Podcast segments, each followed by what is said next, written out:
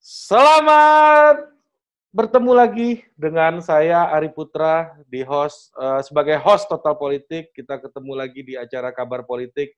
Hari ini sesuai dengan permintaan netizen yang bahan benar, kita mendatangkan seorang intelektual, akademisi yang juga uh, apa namanya antitesa dari salah satu narasumber tetap kita di sini. Dan gue ingin memperkenalkannya sesuai dengan pesanan dari narasumber kita di sini. Ya, ya tetap di sini. Dia bilang hmm. gini, lu perkenalkan uh, beliau ini dengan sebutan the one and only the windy city of justice katanya. Enggak, tapi ya kita ikut ini aja kan, ikut arahan aja. Gitu. Oke, oke. Terima kasih Kak Winda Justisia.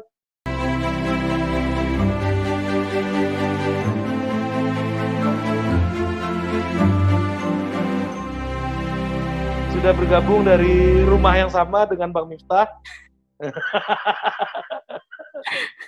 Di Illinois. Terima kasih undangannya Ari. Ke Chicago dan beliau ini adalah uh, eh, PhD uh, eh, apa mahasiswa PhD ya, PhD student di Loyola University of Chicago di bidang sosial psikologi.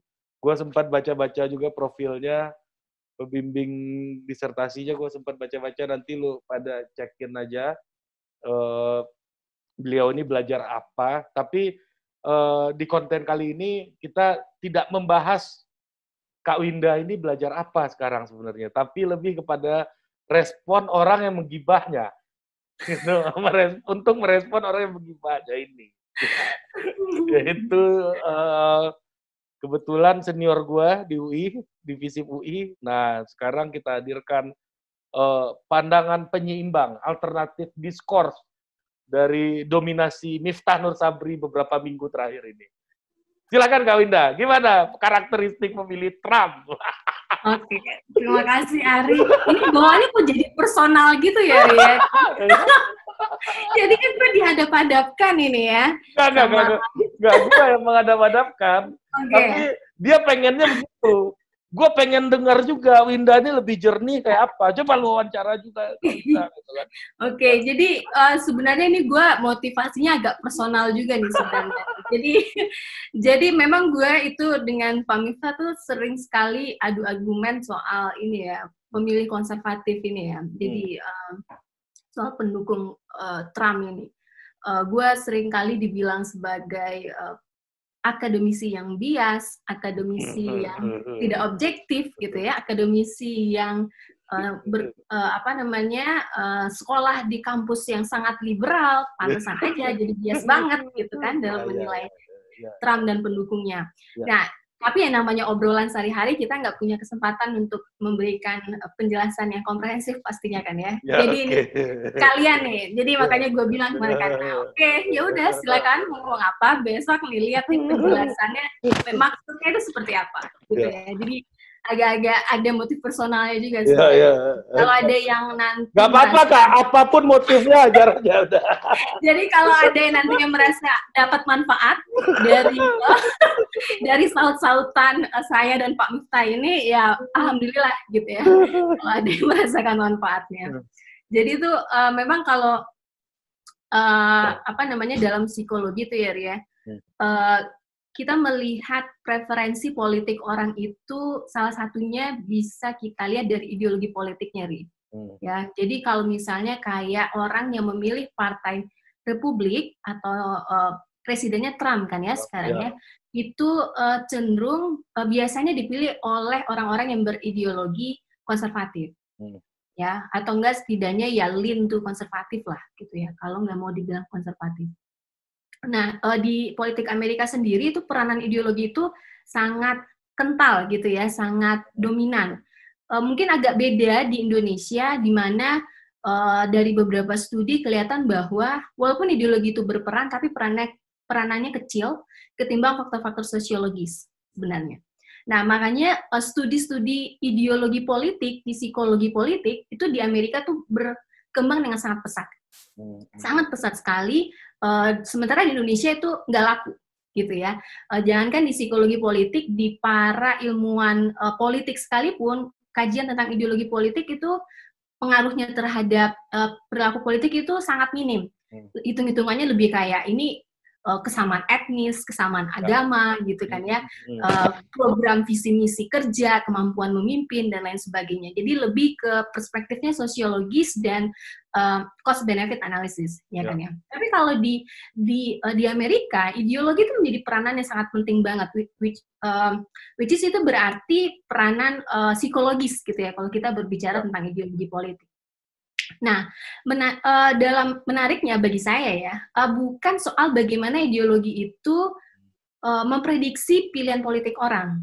Dalam psikologi politik yang lebih menarik kajiannya adalah bagaimana ternyata karakteristik orang itu berbeda uh, berdasarkan ideologinya, gitu ya. Jadi orang liberal itu ternyata punya karakteristik psikologi yang berbeda dengan orang-orang konservatif Hmm. Ya. ya. Jadi uh, banyak hal. Nanti saya akan coba jelaskan satu persatu um, contoh-contoh perbedaan profil psikologisnya. Nah, jadi kalau Ari pernah uh, dengar gitu ya, ada yang bilang bahwa kalau orang di Amerika tuh ya, misalnya uh, ada seorang laki-laki yang mau datang ke calon mertuanya gitu ya. ya mm. Ditanya sama orang tuanya bukan agamanya apa gitu ya.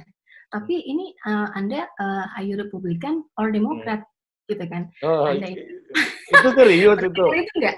Uh, apakah yeah. Anda itu uh, Republikan atau Demokrat gitu? Itu menunjukkan peranan yang sangat penting banget ideologi politik itu di Amerika bahkan ketimbang agama katakanlah begitu ya. Itu Kalau kayak dia kayak nanya kayak nanya di Indonesia kamu NU apa Muhammadiyah gitu ya Nah, ya? itu ya. Iya.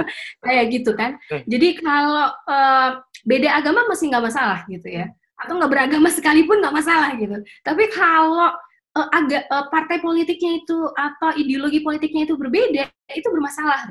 Nah, kan seharusnya kita bertanya ya, kenapa kok bisa ideologi politik itu menjadi peranan pen, punya peranan penting banget dalam uh, kehidupan sehari-hari kita di Amerika ini, orang Amerika ya, maksudnya. Ya. Karena ternyata pilihan politik pilihan partai politik ataupun ideologi politik itu menandakan kepribadian seseorang, hmm. ya, menandakan kepribadian seseorang. Hmm. Jadi ini uh, lu tahu kan lah ya karakter gua ya. bagaimana, karakter Bang Mif bagaimana. Ya. Itu bertolak belakang ya. banget. Ya. Jadi uh, ya. jadi tidak apa namanya tidak mengejutkan ketika ya. preferensi politik kami pun akhirnya berbeda. Ya. Nah, itu bisa jadi dibalik ya cara berpikirnya bahwa dari ideologi politik kita bisa nebak kepribadiannya apa. Atau sebaliknya dari kepribadiannya apa kita bisa menebak ideologi politiknya apa. Itu kan ya. Jadi bukan semata-mata soal ah lu bawa-bawa ah bapak calon mertua gua bawa-bawa politik nih. Enggak enggak enggak enggak semata-mata itu gitu ya. Enggak semata-mata soal pilihan politik. Tapi pilihan politik itu menandakan lu itu orangnya seperti apa gitu ya di di kelas sekalipun ya Ria, gue tuh udah coba eksperimen ya. Walaupun ini penelitiannya gue gunakan penelitian Amerika uh, dari Amerika gitu ya, tapi gue terapkan ke uh, mahasiswa gue misalnya, gue pernah ngajar kelas psikologi politik ya dari sejak awal gue masuk di UI. Selalu tuh gue di, awal-awal uh, sebagai pengantar buat seru-seruan aja gitu ya. Gue bisa menebak uh, pilihan politik. Saya bisa tahu uh, kalian uh, ini Jokowi atau Prabowo. Uh, saya, uh, coba tebak ya gitu ya. Yeah. Gue lihat aja tuh tampang-tampangnya, muka-mukanya gitu kan. Kamu pasti Jokowi ya. Yeah. Yeah, yeah. Kamu pasti Prabowo ya. Semuanya pada senyum-senyum aja gitu. Kok Mbak Wida bisa tahu? Tahunya dari mana? Gitu kan. Yeah, yeah, yeah. Nah ini ini hal yang uh, apa ya namanya Betul. itu hal yang mungkin kalau kita nggak memahami profil psikologisnya ri karakteristiknya ri kita nggak bisa nebak sebenarnya. Hmm. Nah jadi nggak perlu tuh jadi kayak gua nanyain uh, kasih yeah, yeah. survei gitu ya, ini anda milih siapa gitu ya dari dari uh, karakteristik psikologisnya sampai ke bentuk muka ri itu udah dari risetnya ri. Oh, ya, bentuk muka itu sudah dari risetnya bisa menunjukkan ideologi politik seseorang. Uh, nanti gue coba jelaskan juga bagaimana ideologi politik itu nggak cuma ke psikologis tapi juga biologis kita, termasuk oh, iya. ke uh, struktur otak. Struktur ya. otaknya juga berbeda. Oke, okay, itu yang pertama yang ingin gue sampaikan ya Ria, bahwa ya. ideologi politik itu uh, apa namanya bahwa kepribadian itu mempengaruhi preferensi politik seseorang. Ya, uh, sekarang pertanyaannya adalah apa? Apa perbedaan kepribadiannya, gitu ya? Apa ya. perbedaan profil psikologisnya? Yang pertama kita bisa lihat dari, uh, lu pernah tahu ini nggak teori Big Five Personalities, Ri? Ya, ya pernah pernah baca. Openness, extraversion, ya, ya, ya, ya. gitu ya. Uh. Um, ada dua dari lima dimensi ini yang paling uh, bisa membedakan ideologi politik seseorang. Hmm. Yang pertama itu openness, keterbukaan. Hmm. Berdasarkan hasil penelitiannya, orang-orang liberal, lu bisa nebak pasti, openness-nya lebih tinggi, Rik, ya. ketimbang orang-orang yang konservatif. Oh. Openness itu apa ciri-cirinya? terbuka terhadap sesuatu yang baru, mau mencoba tantangan gitu ya. Um, terus juga misalnya kayak mungkin kayak uh, apa namanya suka apa tidak masalah dengan ketidakpastian gitu Rory. Hmm, hmm. Jadi kalau ada uh, mau coba-coba uh, perjalanan baru tanpa direncanakan dengan baik nggak masalah. Ayo kita berangkat aja gitu ya. ya. Dia nggak masalah tuh kalau ada situasi ketidakpastian yang tinggi seperti itu. Nah, ini kebalikan sama orang-orang konservatif. Nih. Orang konservatif itu cenderung takut untuk mencoba sesuatu yang baru, takut untuk uh, uh, dengan ide, uh, bukan mencoba sesuatu yang baru aja ya, termasuk juga hal yang abstrak kayak ide. Itu dia menghindari ide-ide yang baru, ya. Jadi openness-nya rendah terhadap ide-ide baru. Oke, okay? itu ini, di... ini ini sesimpel ini kali ya kak ya. Mm. Gua itu sama istri gua naik mobil. Mm -mm. Kalau gua ya udah coba aja jalan ini dulu. Mm -mm. Nah, yeah. kalau dia enggak, ini pasti jam segini coba lihat peta ini macet gitu. Yeah. Yeah. Nah, ini kan yeah. ada personality yang berbeda gitu dalam yeah. menanggapi persoalan itu gitu. Iya, benar, Rik. Hmm. Nah, dari tingkatan openness ini kita bisa lihat nih kecenderungan politik seseorang seperti apa. Orang liberal cenderung openness-nya tinggi, ya. Orang konservatif cenderung openness-nya rendah. Yang kedua dari dimensi kepribadian ini adalah conciseness, ya. Hmm. Orang-orang yang conciseness-nya tinggi itu cenderung uh, patuh pada aturan, disiplin, mengutamakan tujuan jangka panjang, ya, dan mengutamakan nilai-nilai kerja keras lu bisa nebak nggak kira-kira orang kepribadian kayak gini cenderung ideologi politiknya apa, Ri? Liberal. Konservatif, Ri. Konservatif. Oh, kerja keras ya, ya, ya, ya, ya. Kerja Patuh keras. pada pada peraturan, disiplin, ya. mengutamakan ya. tujuan jangka panjang, mengutamakan nilai kerja keras. Ini sama, sama kayak omongannya uh, Max Weber soal apa protestanisme di Eropa hmm. kan sebenarnya ya. kan. Iya. Makan ditimbang gitu misalnya kan. Ya, uh, ya seperti uh, itu. Ya, ya, Jadi uh, kalau terkait dengan kerja keras ini mungkin kita bisa kaitkan juga dengan word just theory ya, Rik ya. Soal bagaimana ada sekelompok orang, Rik, yang percaya bahwa dunia ini berjalan dengan adil. Lu hmm. miskin, ya, ya. lu miskin, ya, ya karena lu malas kerja, Rik. Ya, ya, Makanya ya. lu nggak nggak nggak berubah-berubah hidup lo, ya, gitu. Ya, ya, ya. Nah, kalau lu mau kaya, lu harus kerja keras, gitu ya. Jadi dia menilai bahwa dunia ini sudah berjalan dengan adil. Ya, jadi ini, uh, ini konservatif nih ya. Ini konservatif nih. Iya. Ya, ya, ya, ya, ya, ngerti gua. Ini kaitannya sama protestanismenya Weber nih, yang orang-orang kaya inilah yang membawa uh, apa kebesaran Kristus di dunia gitulah. Ada tambahan-tambahan begitunya. Ya. Uh, iya, ya, iya, uh, seperti itu nih. Hmm. Jadi uh, apa namanya orang-orang yang balik lagi tadi ke conciseness-nya tinggi ini cenderung dia menjadi konservatif gitu ya. Nah dari dua aspek kepribadian ini kita bisa lihat uh, bisa membedakan ideologi politik seseorang hmm. ya. Itu tadi dari Big Five personality ya. ya. Terus yang kedua dari hmm, gaya berpikir ya. Gaya berpikir ini ada yang namanya analitis ya. atau reflektif gitu ya uh, kalau orang-orang yang analitik, reflektif itu biasanya dia mikirnya itu uh, lebih komprehensif, mendalam.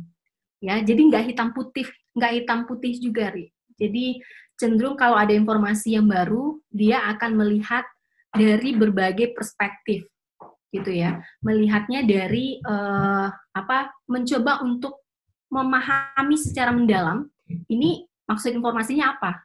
Hmm. gitu ya. Jadi uh, nggak menerima begitu aja.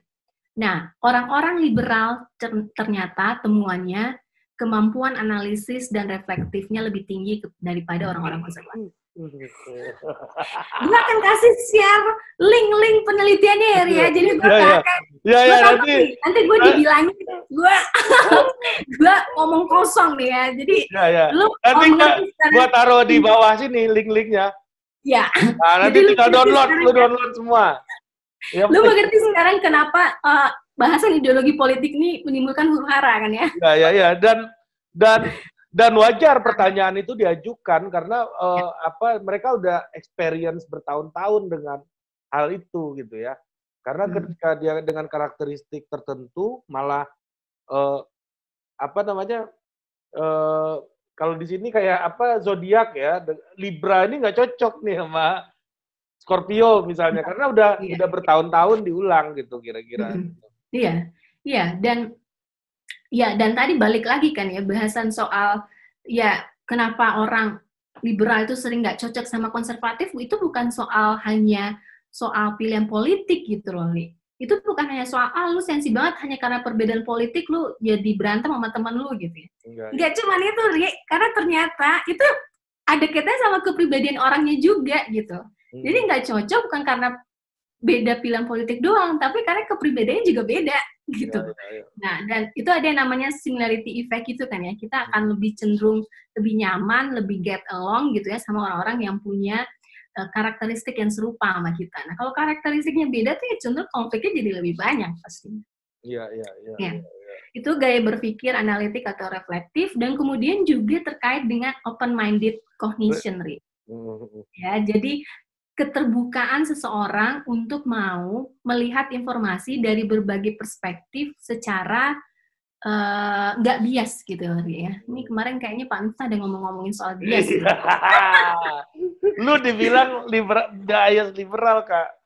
Nah itu ya, ya. jadi karena kayak, karena Chicago ini biru katanya kan kampus-kampus itu biru semuanya. Nah sekarang pertanyaannya Ri, siapa di dunia ini yang nggak bias Ri? Iya, ya, siapa di dunia ini yang nggak bias? Iya, iya, iya. Ini gue bilang ke lu ya, Ria, bias itu adalah konsekuensi natural dari kategorisasi sosial. Hmm. Ya, ketika lu sudah mengelompokkan orang-orang berdasarkan keanggotaan kelompoknya, termasuk diri lu sendiri ya. Jadi Anda adalah kelompok A, saya adalah kelompok B. Konsekuensi naturalnya adalah bias. Bias, ya benar benar. Itu hal yang nggak bisa dielakkan. Kenapa? kita itu punya kecenderungan untuk menilai diri kita secara positif. Mau nggak lu, lu dinilai buruk sama orang lain? Mau nggak lu, lu dinilai uh, negatif gitu ya? Gak mau kan? Yang lu mau adalah lu punya pandangan tentang diri lu yang positif. Jadi istilahnya kalau dalam psikologi itu konsep diri positif. Hmm. Dan orang-orang punya dorongan untuk selalu mempertahankan konsep diri yang positif. Gimana caranya, Ri, untuk mendapatkan konsep diri yang positif itu? Ya salah satunya yang paling gampang adalah bias, Ri. Iya, ya. iya. Ya, ya udahlah, gue yang nilai kok, gitu kan. Ya, gue yang nilai. Gitu kan. gue yang nilai itu salah satu konsekuensi uh, uh, alamiah dari ya. uh, istilahnya itu social categorization gitu ya. ya. Jadi maksudnya ketika kita udah labeling orang, oh Anda kelompok A, saya kelompok B, itu udah pasti kita akan bias ada salah satu penelitiannya ini ini ya Ria penelitian. Ini menarik uh, banget nih banyak nih wahatnya nih. penelitian klasik banget uh, di psikologi. Uh, nama penelitiannya uh, minimal group paradigm, Ri. Jadi paradigma uh, ya agak susah sih diterjemahan diterjemahkan dalam bahasa Indonesia. Artinya maksudnya begini. Di penelitian itu jadi si peneliti men mengelompokkan orang dalam dua kelompok ya. Kelompok pertama itu uh, di satu ruangan, kelompok yang lain di di ruangan yang lain gitu ya. Nah, lalu ya katakanlah di kelompok A gitu ya, di ruangan A dikasih tahu nih sama penelitinya. Uh, baik Bapak Ibu sekalian, Anda berada di ruangan ini sebagai anggota kelompok A. Uh, anda coba lihat uh, tayangan di layar gitu ya. Jadi ada layar komputer di sana, lalu ada uh, ada titik-titik gitu ya, titik-titik di layar itu yang itu sebenarnya agak susah dihitung jumlahnya berapa, Ri. Tapi penelitinya nanyain, ada berapa titik-titik di layar ini Bapak Ibu sekalian? Silahkan dibuat estimasinya, lalu dia tulis gitu ya, estimasinya di kertas masing-masing. Lalu dikumpulkan respon jawabannya. Uh, kemudian peneliti itu kasih false feedback, uh, feedback yang salah gitu ya, palsu, ke para partisipan bilang bahwa oke okay, berdasarkan respon Bapak Ibu sekalian semua Bapak-bapak dan Ibu-ibu di sini menilai jumlah dot tadi lebih dari jumlah yang sebenarnya. Jadi overestimate gitu ya. Nah, di kelompok yang lain dibilang bahwa sementara kelompok yang sebelah ya Bapak Ibu kelompok B itu kelompok underestimate. Ya. Uh, penebak jumlah titiknya kurang dari yang seharusnya gitu ya, Ri ya. Jadi dikasih false feedback. Yeah. Tujuannya apa? Dikasih false feedback ini untuk membentuk rasa kelompok. Oh, kita tergabung di sini emang sebagai kelompok overestimate.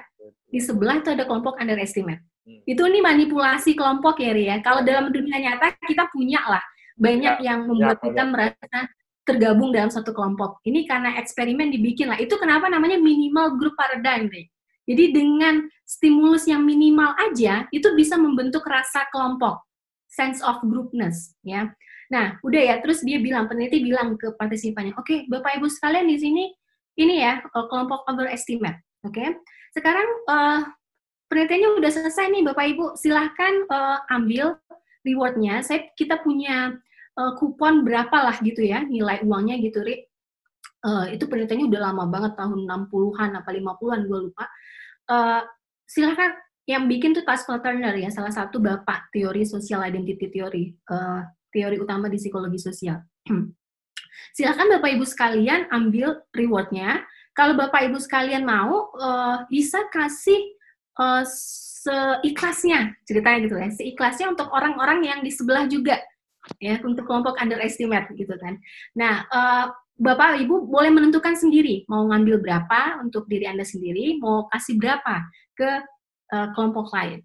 Nah, temuannya adalah hanya dengan manipulasi minimal group seperti itu, Ri, orang-orang itu sudah uh, sudah cukup membuat orang-orang mau mengalokasikan resource-nya lebih banyak ke kelompoknya sendiri ketimbang kelompok lain, Ri. Ya, Nah, dari penelitian inilah awalnya istilah in-group bias itu muncul, Rik. Ini adalah dasar dari konsep in-group bias yang kemudian berkembang dalam uh, uh, banyak hal di penelitian psikologi sosial ya, Rik. Ya. Dasarnya ini dari ini, Rik. Jadi maksudnya di sini adalah kenapa gue bilang tadi konsekuensi natural dari kategorisasi sosial, ya. Jadi hanya dengan dengan kategorisasi overestimate, underestimate sudah membuat kita lebih mengidolakan kelompok kita sendiri, Ri, ketimbang kelompok lain, gitu ya. ya. Jadi kalau dibilang ah lu bias membelain kelompok lu gitu ya. ya, ya. What? itu, itu kalau kita udah ngomongin soal kelompok, kita nggak bisa terhindar dari bias, gitu ya, Ri ya. Nah itu uh, bukan nggak bisa ya, tapi kita sulit gitu ya. Gue nggak mau over over claim juga nih. Ya. Sulit untuk terhindar dari bias. Ya makanya uh, gue bilang tadi um, siapa sih yang nggak bias gitu ya? Siapa sih yang nggak bias di dunia ya, ini? Kalau kalau bahasanya uh, Bang Miftah kan bilangnya gini. Iya, kalau lu udah benci nih sama Trump ini, udahlah sebagus apa pun yang dibikin Trump pasti lu bilang jelek terus. Ya. Ah, begitulah Kalinda lu sekarang katanya. Iya, iya itu Nah, nah, ini ini ini beda lagi nih bahasanya nih ya. Jadi kita ya, ya. ngomongin bias dulu ya. ya bias, ngomongin ya. soal bias, uh, gue bilang bahwa bias itu uh, konsekuensi natural ya dari kategorisasi sosial. Nah, kalau ngomongin soal pandangan gue mau gimana pun Trump itu jadi uh, jadi uh, negatif, ya mungkin to some extent itu ya parsialnya mungkin karena gue bias juga gitu. Jadi uh, biasnya gue ini terbentuk karena banyak hal sebenarnya ya. Bisa jadi karena uh, apa namanya uh, karena uh, kepribadiannya dia, karena uh, pilihan uh, kebijakannya dia, ya kan ya, karena partai politik atau ideologi politiknya dia yang nggak sesuai dengan sikap gue gitu kan ya. Nah, tapi pertanyaannya ketika gue menilai dia negatif karena kebijakannya tidak sesuai dengan aspirasi politik gue, apakah itu salah, Rik? Iya ya, benar juga sih. Nggak salah kan? Nggak salah. Nah, iya itu. kan? Nah, apakah dengan gue menilai Trump itu negatif, ya sikap gue negatif nih terhadap Trump, karena Maka- gue melihat, Iya. karena gue melihat wah ini kebijakan politiknya nggak sesuai dengan aspirasi politik gue, gitu kan. Hmm. Nah, itu apakah itu salah? Terus gue di label sebagai bias, gitu kan. Iya, Ah, bias, informasinya nggak lengkap. Iya. Jangan-jangan Well, itu nggak sesuai. Apa yang Jangan- dilakukan itu nggak sesuai dengan sikap gue, gitu. jangan-jangan lu independent voter saja gitu kan kalau masuk kategori orang Amerika yang dia Iya. bi- dia selalu bilang Trump ini Hmm. selalu toast to the independent, toast to the independent voter. Iya. Iya, iya. Nah, independen ini bisa jadi sih gue dibilang eh, independen juga kali ya. ya Tapi bisa juga ya. Hmm. Belum tentu di liberal juga gitu kan. Ya, belum, seperti- belum tentu sih. Iya, Kalau gue- seperti yang dituduhkan beliau gitu ya. Iya, makanya. ya, bisa jadi ya bu- eh, bisa jadi karena ideologi politik ya, tapi gue nggak bilang nggak bilang juga gue berideologi liberal gitu kan ya. Eh, tapi eh, yang menyebabkan gue eh, apa namanya punya penilaian negatif itu kan karena banyak faktor gitu Ya. ya. Hmm. Nah, kalau itu dikatakan gua bias, ya ya gue balikin lagi siapa yang gak bias gitu kan. Kita itu mengolah informasi berdasarkan pengetahuan dan pengalaman yang kita punya sebelumnya. Nah, sekarang gue punya eh, pengalaman, pengetahuan yang berdasarkan, ya mungkin gue bisa bilang bias liberal. Gue nggak menutup diri bahwa psikologi sosial itu memang selalu dikritik ya, Ria. Dikritik, kar- apalagi psikologi politik ya. Psikologi politik itu selalu dikritik karena penelitinya kebanyakan eh, liberal. Liberal ya. Liberal. Kay- Kayaknya hampir semua ini deh kayaknya ya.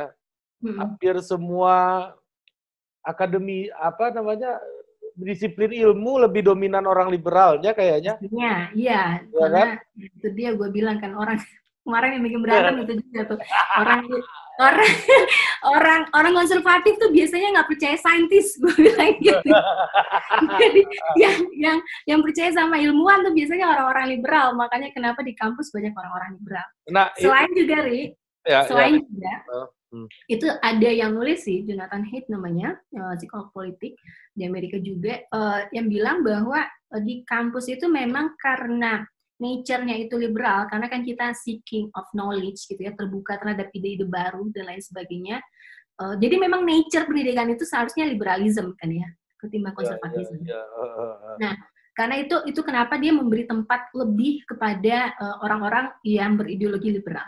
Nah, bukan berarti sebenarnya orang konservatif itu nggak ada di kampus, Ri. Ada, di kampus ada. Cuman sering ini, kalau kata orang Minang tuh taimpi galombang gitu Ya, ya. ya, ya, ya. Jadi nggak berani em, muncul eh, ke eh, ke ini ya ke depan publik, ke depan umum gitu ya, eh, karena domi- dominansi orang-orang liberal. Karena gitu. karena seperti yang lu bilang tadi dia mampu menutupi preferensi politiknya tadi kan seperti di Iya, awal iya. dia gak, gak ekspresif gak terbuka dengan itu. Iya, mampu menutupi atau mungkin sebenarnya nggak confidence aja gitu. Ta- Tapi Jadi- beda beda sama di Indonesia kak. Ya itu dia. Nah ini Yang- gue kita ngomongin soal Yang- Amerika ya. Di Indonesia menarik lagi sih bahasanya. Yang Gimana li- kita pindah Yang nih? yang liberal lebih ya, malah yang liberal yang takiyah di kampus. Iya. Nah itu dia. nah kalau di kampus itu eh, eh, ya 50-50 sih, kan orang liberalnya juga, orang kirinya juga aktif, orang kanannya juga aktif gitu ya sebenarnya kalau di kampus.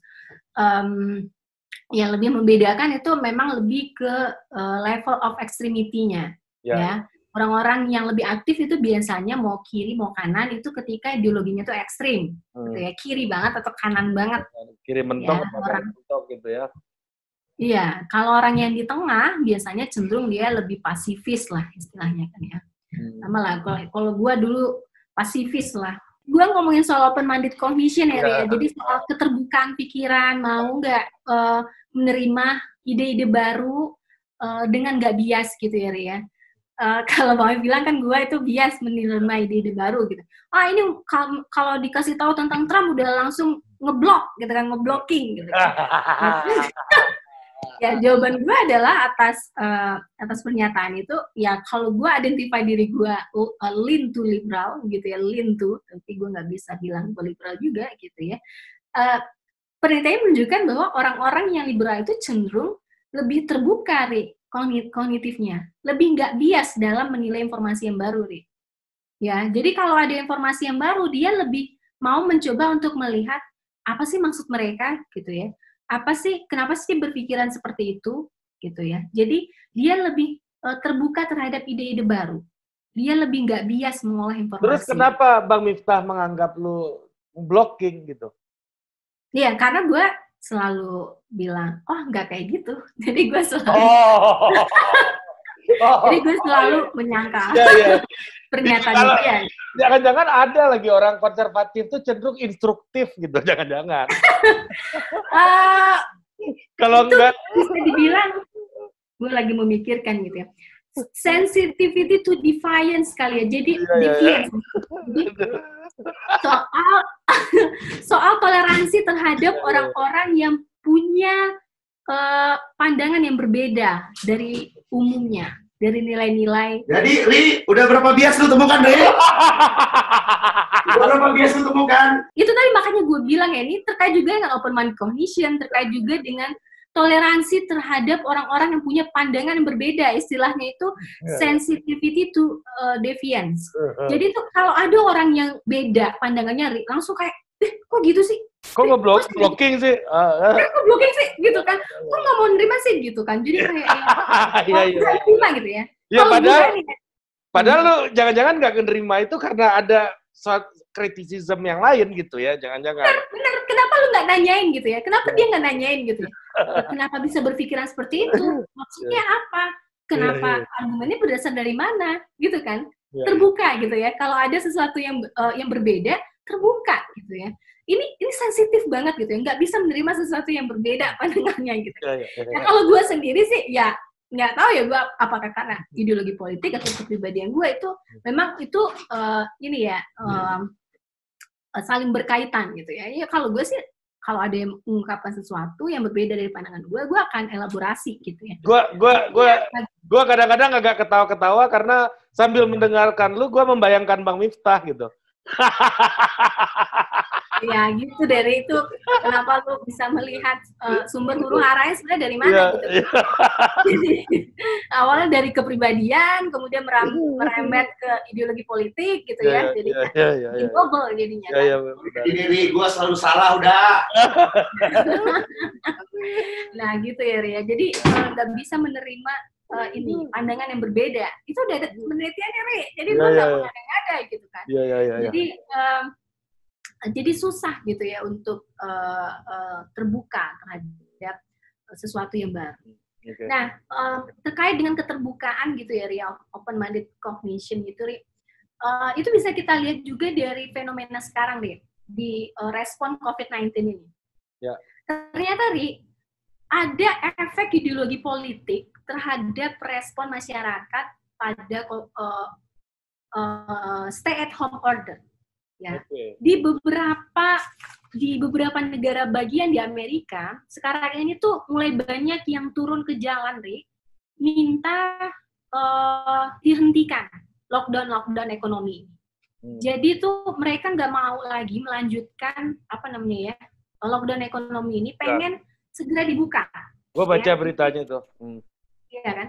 Ada pengaruh ideologinya gitu Dan hasil temuannya adalah ternyata yang nggak apa namanya yang banyak mendukung aksi protes ini adalah orang-orang konservatif ya hmm. orang-orang konservatif yang paling ngotot sekarang pengen segera diakhiri lockdown ini gitu ya jadi mereka udah eh, nggak uh, nggak mau lagi nurut gitu ya kenapa harus uh, ngikut uh, apa namanya lockdown ekonomi ini sementara itu berdampak secara signifikan terhadap kehidupan ekonomi Ma mereka. Makanya Trump ngomong open up Amerika itu mungkin salah satunya karena membaca keresahan dari basis konstituen utama. Exactly, gitu. exactly, Ri.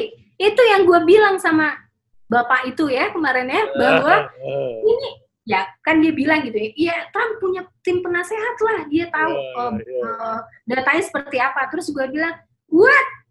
Ya. membu- membuat kebijakan sedemikian penting ini berdasarkan data uh, yang menguntungkan pilihan politik orang gitu kan itu kan rasanya nggak nggak ini banget ya Nggak humanis banget Ya, nggak etik. iya maksudnya demi untuk me- mendapatkan suara masyarakat gitu ya masyarakat konservatif lalu dia ngomongin soal open up uh, the country Ya. Reopen the country by by, by Easter Ya, katanya ya. awalnya kemarin kan Ya, ya. karena memang itu muncul di kalangan konservatif itu muncul gitu eh, soal eh, penghentian lockdown ini sekarang. Nah, kenapa gitu? Pertanyaan kan kenapa orang konservatif ini enggak Itu eh, sorry kak, gue potong lagi. Kalau penjelasannya eh, Dam- Bang Miftah kan itu diakibatkan open, open up the country itu gara-gara tesnya Trump itu udah 3,7 juta gitu. Udah terbanyak gitu loh. Makanya kita udah yakin nih bisa buka nih Amerika gitu. Jadi gitu penjelasannya kemarin kira-kira. ya itu penjelasan Mbak Amif kan ya. Ya. Tapi kenyataannya kan eh, ilmuwan belum ada yang approve itu kan. Benar. ilmuwan masih meragukan gitu kan Iya, apakah eh, emang eh, tes itu eh, manjur gitu ya bisa Berarti pernyataan, pernya- pernyataan itu sangat politis aja ya, berarti ya pandangan lu ya, berarti ya. itu dia Ya. itu dia Ri. itu dia nah makanya jadi eh, dan ya ini walaupun spekulatif ya pe- Ya. pe- analisisnya ada yang bilang bahwa eh, kenapa orang konservatif ini cenderung eh, menolak adanya lockdown ini sekarang itu terkait dengan ini sih political value dari orang-orang konservatif itu mereka itu kan sangat mengedepankan yang namanya power gitu ya eh, kemampuan militer gitu kan kekuatan militer gitu kan nah hal itu tuh ada kaitannya sama kemampuan ekonomi jadi kalau ekonomi kita melemah itu kemampuan militer kita itu eh, melemah juga dan itu pastinya jadinya mengancam eh, posisi atau kekuatan kita sebagai sebuah negara katakanlah Ya. seperti itu kan ya. Ah, jadi itu kenapa juga eh, para eh, apa namanya republikan di kalangan para elitnya juga mendukung segera pemulihan ekonomi ini gitu gitu loh Ri. jadi karena takut nanti nih kalau kekuatan eh, ekonominya melemah gitu ya jadi kekuatan Amerika secara umum juga melemah dan itu suatu hal yang sangat eh, buruk suatu hal yang sangat mengganggu bagi para republikan gitu nah eh, ada analisa juga menyebutkan demikian Ri. jadi terkait dengan political eh, value orang-orang konservatif Ya, dan, dan dan yang paling babak belur tentunya kelompok-kelompok eh, pengusaha kan yang dalam situasi kayak gini yang kebanyakan adalah orang-orang yang diuntungkan dengan eh, kebijakan-kebijakannya Republikan gitu. betul Ah. ya betul betul itu seperti itu Ri. jadi em, seperti itu Ri. itu tadi terkait dengan gaya berpikir ya Ri ya Hmm. nah kemudian yang terakhir yang mau gue bahas itu soal ini ya soal em, tadi sensitivity to deviance itu jadi soal toleransi terhadap orang yang Beda. beda orang yang nggak ngikut aturan bersama gitu ya Ri. Ya, ini ya, udah jelas banget nih udah konservatif banget nih ada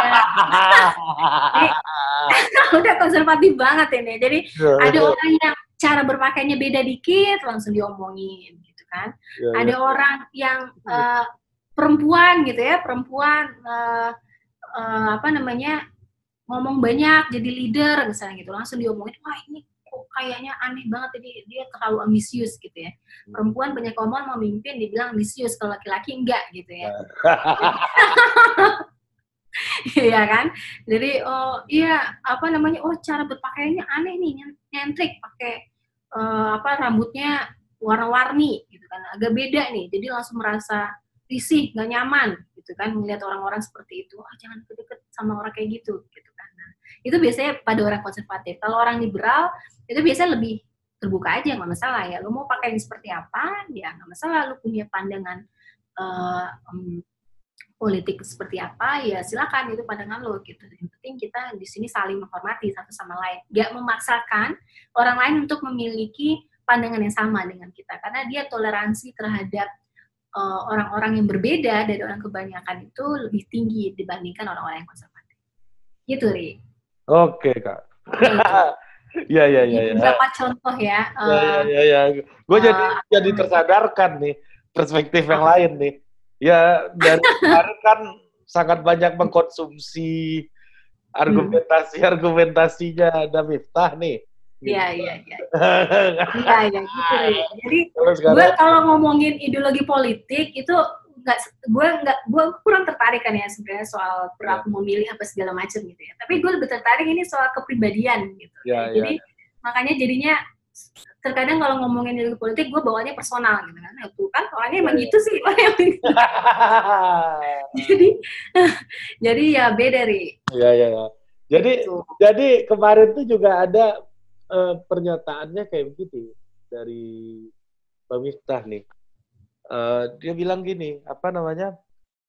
eh Trump itu tidak eh, tidak tidak me- menghargai perempuan gitu. Jadi karena dia udah benci, gitu, dia cari-cari aja alasan teori segala macam untuk membenarkan kebenciannya itu. Gitu. Iya Ah, gitu. Salah satu tuduhannya juga gue inget tuh. jadi jadi ini istilahnya eh, ini ya apa jawab jawaban gitu ya Enggak, enggak, enggak, kan konfirmasi tanggapannya gimana. iya iya iya Biar kita bisa bahasnya lebih eh, akademik gitu loh. iya iya benar ini gue jelaskan secara akademik aja ya Ya, jadi secara akademik, bukan jangan Gue- personal, jangan personal. Ya. Jadi gini, Ri. Sikap politik, preferensi politik itu kan dipengaruhi oleh banyak hal ya, Ri ya. Ya, Kalau orang-orang eh, yang menggunakan teori eh, perspektif eh, apa namanya itu cost benefit analysis atau ekonomi gitu kan, ya ini ngelihat nih, ini dia bisa memimpin atau enggak, bisa membuat kita sejahtera atau enggak. Hmm, ya. Itu bisa jadi juga sih, ya kan? Ini dia jago nggak nih bikin ekonomi bagus gitu kan? ya, ya. ah. ada juga yang karena kesamaan identitas sosiologis gitu kan. Nah, bisa jadi juga karena psikologis. Ya, psikologis itu banyak hal, nggak cuma masalah suka nggak suka, tapi masalah eh, kesesuaian value, ya kesesuaian value. Kalau gue punya value bahwa laki-laki itu tidak harusnya memperlakukan perempuan dengan baik, gitu ya. Tidak ada yang namanya eh, kesenjangan gitu ya. Jadi harus ada gender equality gitu ya. Dan gue melihat Trump melakukan pelanggaran terhadap value itu, penilaian gue pastinya akan negatif. Terlepas dari faktor bahwa oh dia pengusaha, dia jago dalam hal ekonomi, gitu ya. Oke dia jago dalam hal itu, tapi bobot penilaian gue itu lebih dipengaruhi oleh kesesuaian value. Gak masalah dong, ya itu kenapa gue agak malas sebenarnya memprediksi soal pilihan politiknya nih karena faktornya begitu banyak sebenarnya. Ya, ya, ya, ya, benar. faktornya itu begitu kompleks. Jadi kalau lu nanya Rik, jadi gue bisa kasih rekomendasi apa untuk klien gue gitu kan lu nanya. Gue nggak bisa kasih jawab gitu. Ini sangat dinamis faktornya itu sangat Ya. kompleks. Kalau kita coba lihat eh, bisa lihat deh di bukunya Saiful Mujani itu yang soal perilaku memilih itu. Hmm. varian yang bisa dijelaskan oleh seluruh faktor yang dia ukur di survei-surveinya itu itu sangat kecil ya 10 persen 15 persen gitu ya sisanya tuh yang 75 persen 80 persen lah itu dijelaskan oleh apa nih banyak faktor-faktor lain Ya. yang nggak bisa kita eh, prediksi gitu loh ya. jadi balik lagi ke bahasan gua tadi penilaian gua itu ke Trump itu lebih didominasi oleh kesesuaian value. Jadi kalau gue menganggap value gue adalah A, sementara Trump itu adalah value-nya B, gitu ya nggak sesuai, ya udah nilai gue jadi negatif ke ke Trump gitu. Dan bagi gue itu sah-sah saja. Apakah itu mem, me- eh, mem- membuat gue, apakah itu fakta itu membuat lu ngejudge gue bias? ya orang ya harus bias kan pasti bias gitu ya gue punya value kan ya pasti bias Ya. kan Nah, jadi mungkin juga sih, mungkin bisa jadi gue lu lu benar juga ya. Mungkin lu bias gitu ya. Lu nggak berani aja bilang gue bias gitu.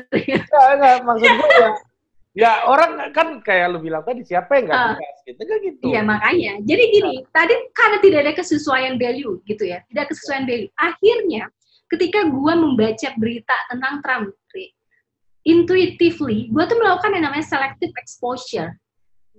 Ya, gue melakukan yang memilah-milah informasi yang sesuai dengan sikap awal gue. Ya, sikap awal gue. Awalnya gue melihat, wah gue nggak suka nih Trump, ini value-nya nggak sama sama gue gitu. Ya. Akhirnya kalau ada berita dari Fox, gue langsung langsung delete gitu ya. Langsung abaikan. Berita dari Fox nggak gue baca. Tapi kalau ada berita dari New York Times, CNN gitu misalnya ya gue baca. Gitu kan ya. Jadi uh, karena gue tahu di media ini itu biasanya menyampaikan perihal Trump yang sesuai dengan baby gue dan itu membuat gue merasa nyaman gitu kalau gue dipaparkan sama informasi yang berbeda dengan baby gue itu membuat gue mengalami yang namanya disonan Ri.